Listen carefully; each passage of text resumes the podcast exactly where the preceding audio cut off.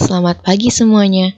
Kembali lagi di podcast Diwan yang beranggotakan Rahmainia Fasabrina dengan NPM 213, Maisa Rendra Darmawan dengan NPM 214, Nuriski Dian dengan NPM 215, Dava Saputra dengan NPM 216, dan Leoni Indah dengan NPM 217. Kali ini kami akan menyampaikan tentang reproduksi dan transportasi dalam podcast Diwan.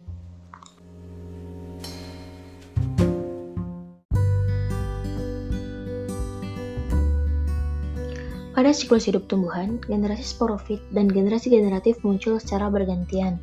Bunga adalah organ reproduktif dari sporofit Angiospermae. Siklus hidup Angiospermae dan tumbuhan lain ditandai oleh pergiliran generasi, di mana generasi haploid dan diploid.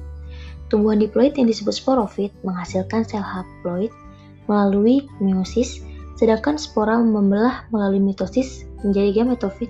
Jantan dan betina merupakan generasi haploid. Pada Angiospermae, sporofit adalah generasi yang dominan. Hal ini membuktikan bahwa Angiospermae adalah tumbuhan yang paling jelas terlihat oleh mata kita. Gametofit menjadi tereduksi selama perubahan menjadi struktur-struktur yang sangat kecil. Secara keseluruhan, terkadung di dalam dan bergantung pada induk sporofitnya. Butir polen berkembang dalam kotak sari dari kepala sari, kandung embrio berkembang di dalam ovulum dari ovarium. Polinasi berlangsung saat butir polen hingga hinggap di dalam stigma. Bulu polen berkecambah membentuk tabung polen di sepanjang stilus. Lalu melalui mikrofil masuk ke dalam kandung embrio yang kemudian menjadi zigot. Zigot berkembang menjadi embrio di dalam ovulum yang berkembang menjadi biji. Ovarium berkembang menjadi buah yang mengandung biji. Biji berkembang menjadi kecambah sporofit yang terus berkembang menjadi sporofit dewasa yang menghasilkan bunga. Kali ini saya akan membahas tentang macam-macam bunga. Yang pertama yaitu macam bunga berdasarkan kelengkapannya, yaitu bunga lengkap dan tidak lengkap. Selanjutnya, macam bunga berdasarkan ada tidaknya kelamin bunga yaitu berkelamin dua, berkelamin satu, serta bunga berkelamin betina yaitu yang hanya memiliki pistilium. Kemudian yaitu jenis tumbuhan berdasarkan penyebaran bunga jantan dan betina, yaitu tumbuhan berumah satu atau yang disebut monoekus, yaitu yang bunga jantan dan betina berada pada satu tumbuhan dan tumbuhan berumah dua atau yang disebut diekus, yaitu bunga jantan dan betina berada pada tumbuhan yang berbeda. Kemudian adanya penyegahan fertilisasi atau yang disebut inkompatibilitas, yaitu suatu kemampuan dari suatu tumbuhan untuk menolak polennya sendiri atau polen dari kerabat dekat tumbuhan tersebut.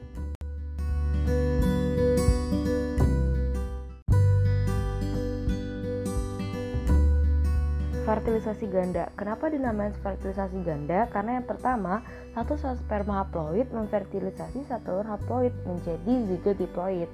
Kemudian berkembang menjadi embrio diploid. Yang kedua, satu sel sperma lainnya yang haploid menyatu dengan dua inti polar diploid menjadi endosperm triploid. Selanjutnya ada perkembangan embrio tumbuhan dikotiledon. Yang pertama, zigot membelah secara mitosis ke arah transversal menjadi sel basal dasar terminal.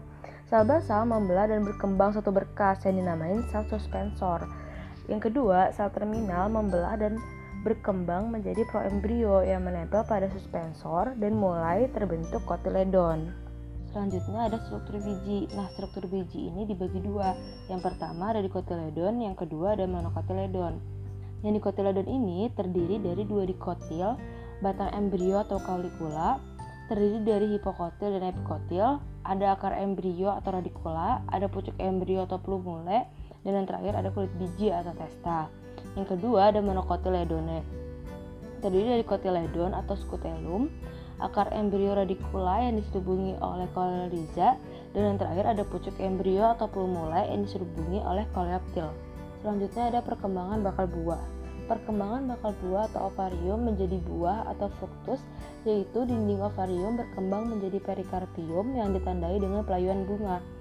Pembentukan buah berfungsi untuk melindungi dan membungkus biji, menolong penyebaran biji oleh angin atau binatang, dan sebagai makanan manusia.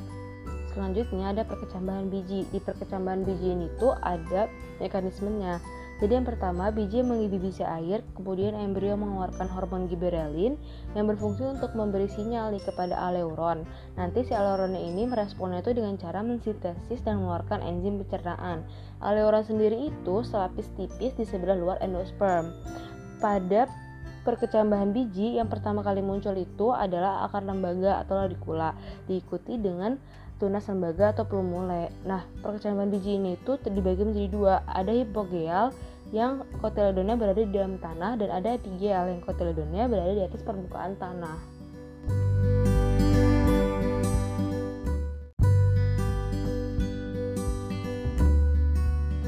Dinamakan reproduksi vegetatif karena hasilnya berupa klon yang sifat genetisnya identik dengan induknya, terdiri dari fragmentasi, apomixis, stack, dan grafting. Digunakan untuk perbanyakan, memudahkan rekayasa genetik di dalam tumbuhan, memungkinkan meregenerasi tanaman transgenik dari satu sel tanaman yang telah menggabungkan DNA asing, menghasilkan tanaman hibrida. Cloning, contohnya tanaman wortel yang membentuk halus, penembakan DNA, menggunakan senjata kaliber untuk menembakkan DNA asing ke dalam kultur sel tanaman. Fusi protoplas dengan yaitu sekumpulan protoplas sel tumbuhan disiapkan dengan cara sel atau ataupun jaringan tumbuhan diberi enzim pendegrasi dinding sel yang telah dimurnikan yang diisolasi dari tipe fungsi tertentu. Bioteknologi tanaman suatu inovasi di dalam penggunaan tanaman atau penggunaan zat yang diperoleh dari tanaman untuk membuat suatu produk yang berguna bagi manusia. Peranan bioteknologi yang pertama dapat mengurangi biaya produksi, memungkinkan untuk mengatasi gulma dengan menggunakan herbisida tanpa menimbulkan efek, menghindarkan erosi tanam akibat penyiangan berat, meningkatkan kualitas dari tanaman transgenik, mencegah kekurangan pangan. Kekhawatiran pada rekayasa genetik adalah transfer gen alergen yang menyebabkan alergi, seberapa besar efek polen yang memproduksi beta toksin yang mengandung toksik terhadap hama, adanya introduksi gen dari tanaman transgenik ke gulma melalui hibrisida yang dapat mengakibatkan timbulnya gulma super. Macam-macam transportasi ada transportasi pasif dan transportasi aktif. Transportasi pada tumbuhan dibagi menjadi tiga tingkatan. Yang pertama ada transportasi tingkat seluler, yaitu pengambilan dan pengeluaran air beserta linarut oleh sel. Dibagi lagi menjadi membran plasma, tonoplas, dan plasmodesmata. Yang kedua adalah transportasi tingkat jaringan dalam organ, yaitu transportasi zat dari sel ke sel pada tingkatan jaringan dalam suatu organ. Ada lintasan transmembran dan lintasan simplastik, lalu lintasan apoplastik. Yang ketiga adalah transportasi tingkat keseluruhan tumbuhan, yaitu transportasi antar organ dalam kesatuan keseluruhan tumbuhan dengan menggunakan mekanisme aliran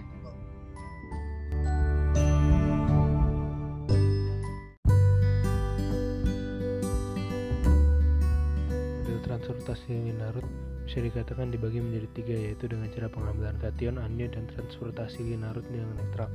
Pada pengambilan kation, kation ditarik ke dalam sel dengan potensial membrana. Lalu saat pengambilan anion, sel mengakumulasi anion dengan cara menggabungkan transportasi dengan difusi H ke arah dalam melalui sebuah kawan transporter. Dan terakhir, transportasi linarut yang netral. Sel tumbuhan juga dapat mengakumulasi suatu linarut yang netral sel sukrosa yaitu dengan mengontransport H ke gradien proton yang tinggi. Bila potensial air dalam larutan lebih rendah dibandingkan dengan potensial air dalam sel, maka sel mengalami plasmolisis. Tekanan turgor terjadi pada sel bila potensial air lebih tinggi darinya. Bagian akar yang terlibat dalam absorpsi air dan mineral oleh akar adalah epidermis akar, korteks akar, endodermis akar, stele, dan pembuluh xilem bagian dari sel tumbuhan dan jaringan tumbuhan suatu jalur transport lateral bagi menjadi dua bagian-bagian dari sel, bagian-bagian dari jaringan. Uh, bagian dari sel merupakan dinding sel, sitosol, dan vakuola. Mereka ada, merupakan tiga bagian utama dari sebagian sel tumbuhan dewasa. Lalu bagian-bagian jaringan, pada tahapan jaringan ada dua bagian yaitu simplas dan apoplas. Peningkatan absorpsi air dan mineral oleh akar terjadi akibat adanya bulu akar, adanya mikoriza, permukaan sel korteks yang lebih besar. Pergerakan air dan mineral di dalam akar dibagi menjadi dua, simplastik dan apoplastik. Simplastik merupakan jalur pergerakan air dan linaro tertentu melalui sel epidermis dan korteks. Air dan linarut masuk ke dalam sel endodermis melalui plasmodesmata, sel endodermis kemudian ke stele dan masuk ke pembuluh, pembuluh silem. Apoplastik merupakan jalur pergerakan air dan linarut dari larutan tanah melalui ruang antar sel masuk ke dalam sel endodermis melalui membran plasma endodermis yang selektif permeable kemudian ke stele dan masuk ke pembuluh silem. Lalu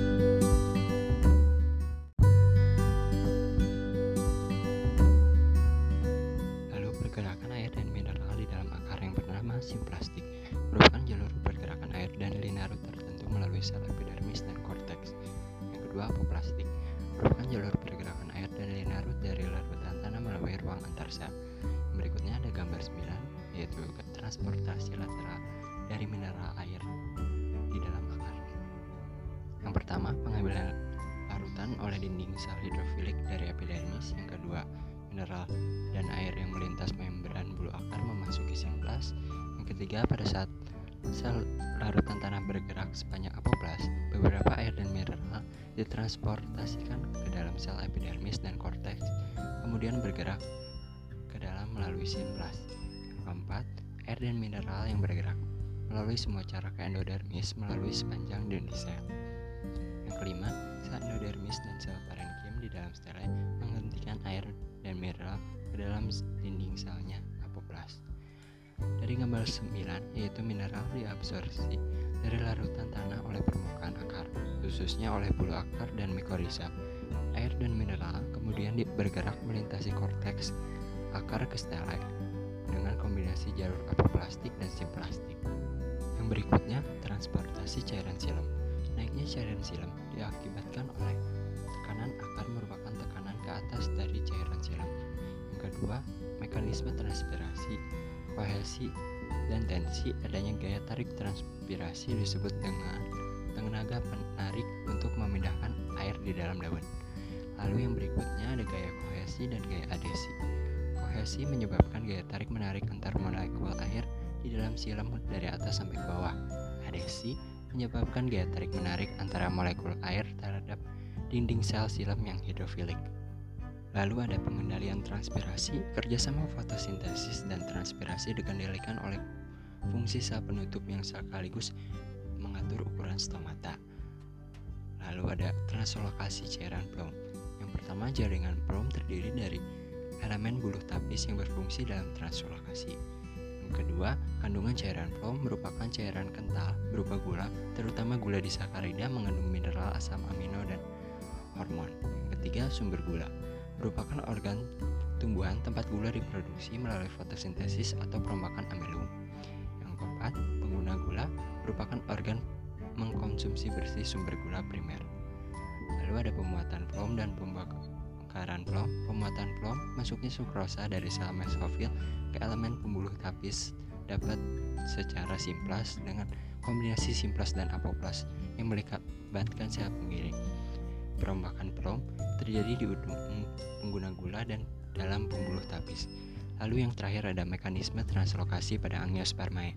Yang pertama laju pergerakan cairan foam 1 meter per jam. Yang kedua terjadi akibat adanya aliran bulk yang dikendalikan oleh peningkatan tekanan antara ujung sumber gula pembuluh tapis dan penurunan tekanan dari ujung pengguna gula.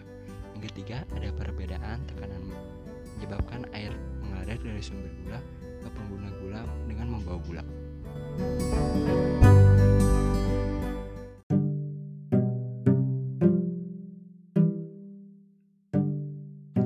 Terima kasih telah mendengarkan podcast Diwan. Semoga bermanfaat. Sampai bertemu di episode selanjutnya.